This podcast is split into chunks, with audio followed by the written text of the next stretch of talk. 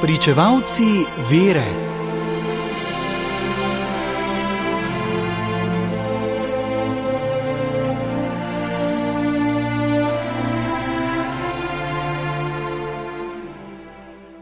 Danes, 12. februarja, goduje sveta Eulalija, španska mučenka iz Barcelone, ki je umrla na začetku 4. stoletja.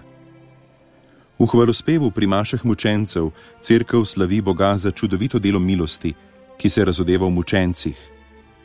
V človeški nemoči kažeš svojo božjo moč in slabotne sile krepiš za junaško pričevanje.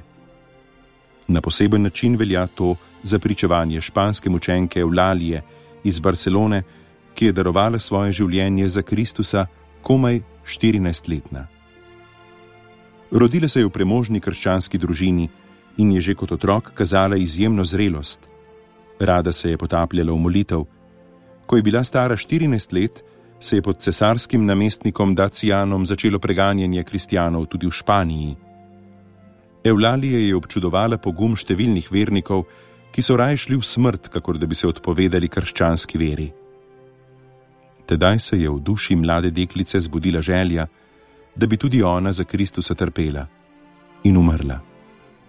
Vedela je, da bi jo starši in sorodniki od tega odvrnili, zato je skrivaj odšla z družinskega posestva zunaj mesta, kamor so jo bili poslali starši, hitela v Barcelono in stopila pred nasilnika. Odločno in pogumno mu je učitela nečloveško krutost do kristjanov.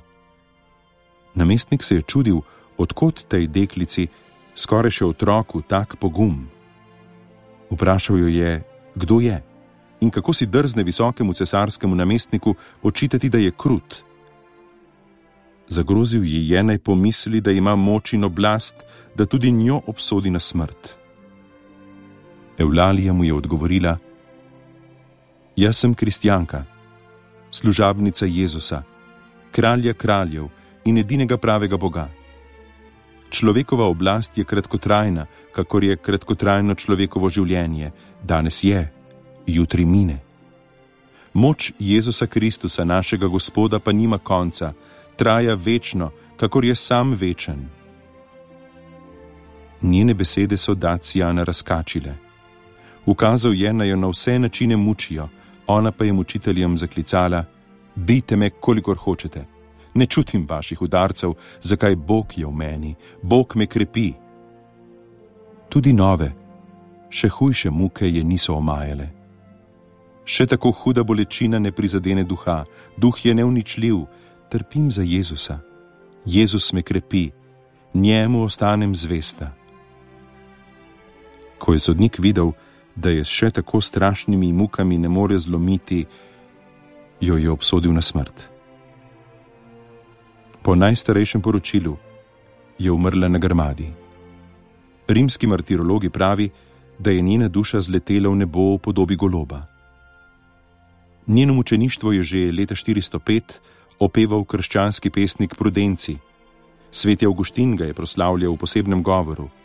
Sveti Izidor Sevilski pa pripoveduje, da je Bog, ki je hotel zavarovati njeno nedolžnost, storil, da je ob njeni smrti snežilo in je bilo tako njeno telo čudežno ovito v belo tančico.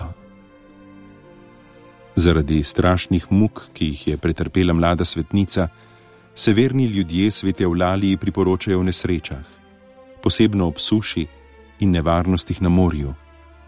Umetniki jo upodabljajo s križem, z golobom, z železnimi kavli ali snegom.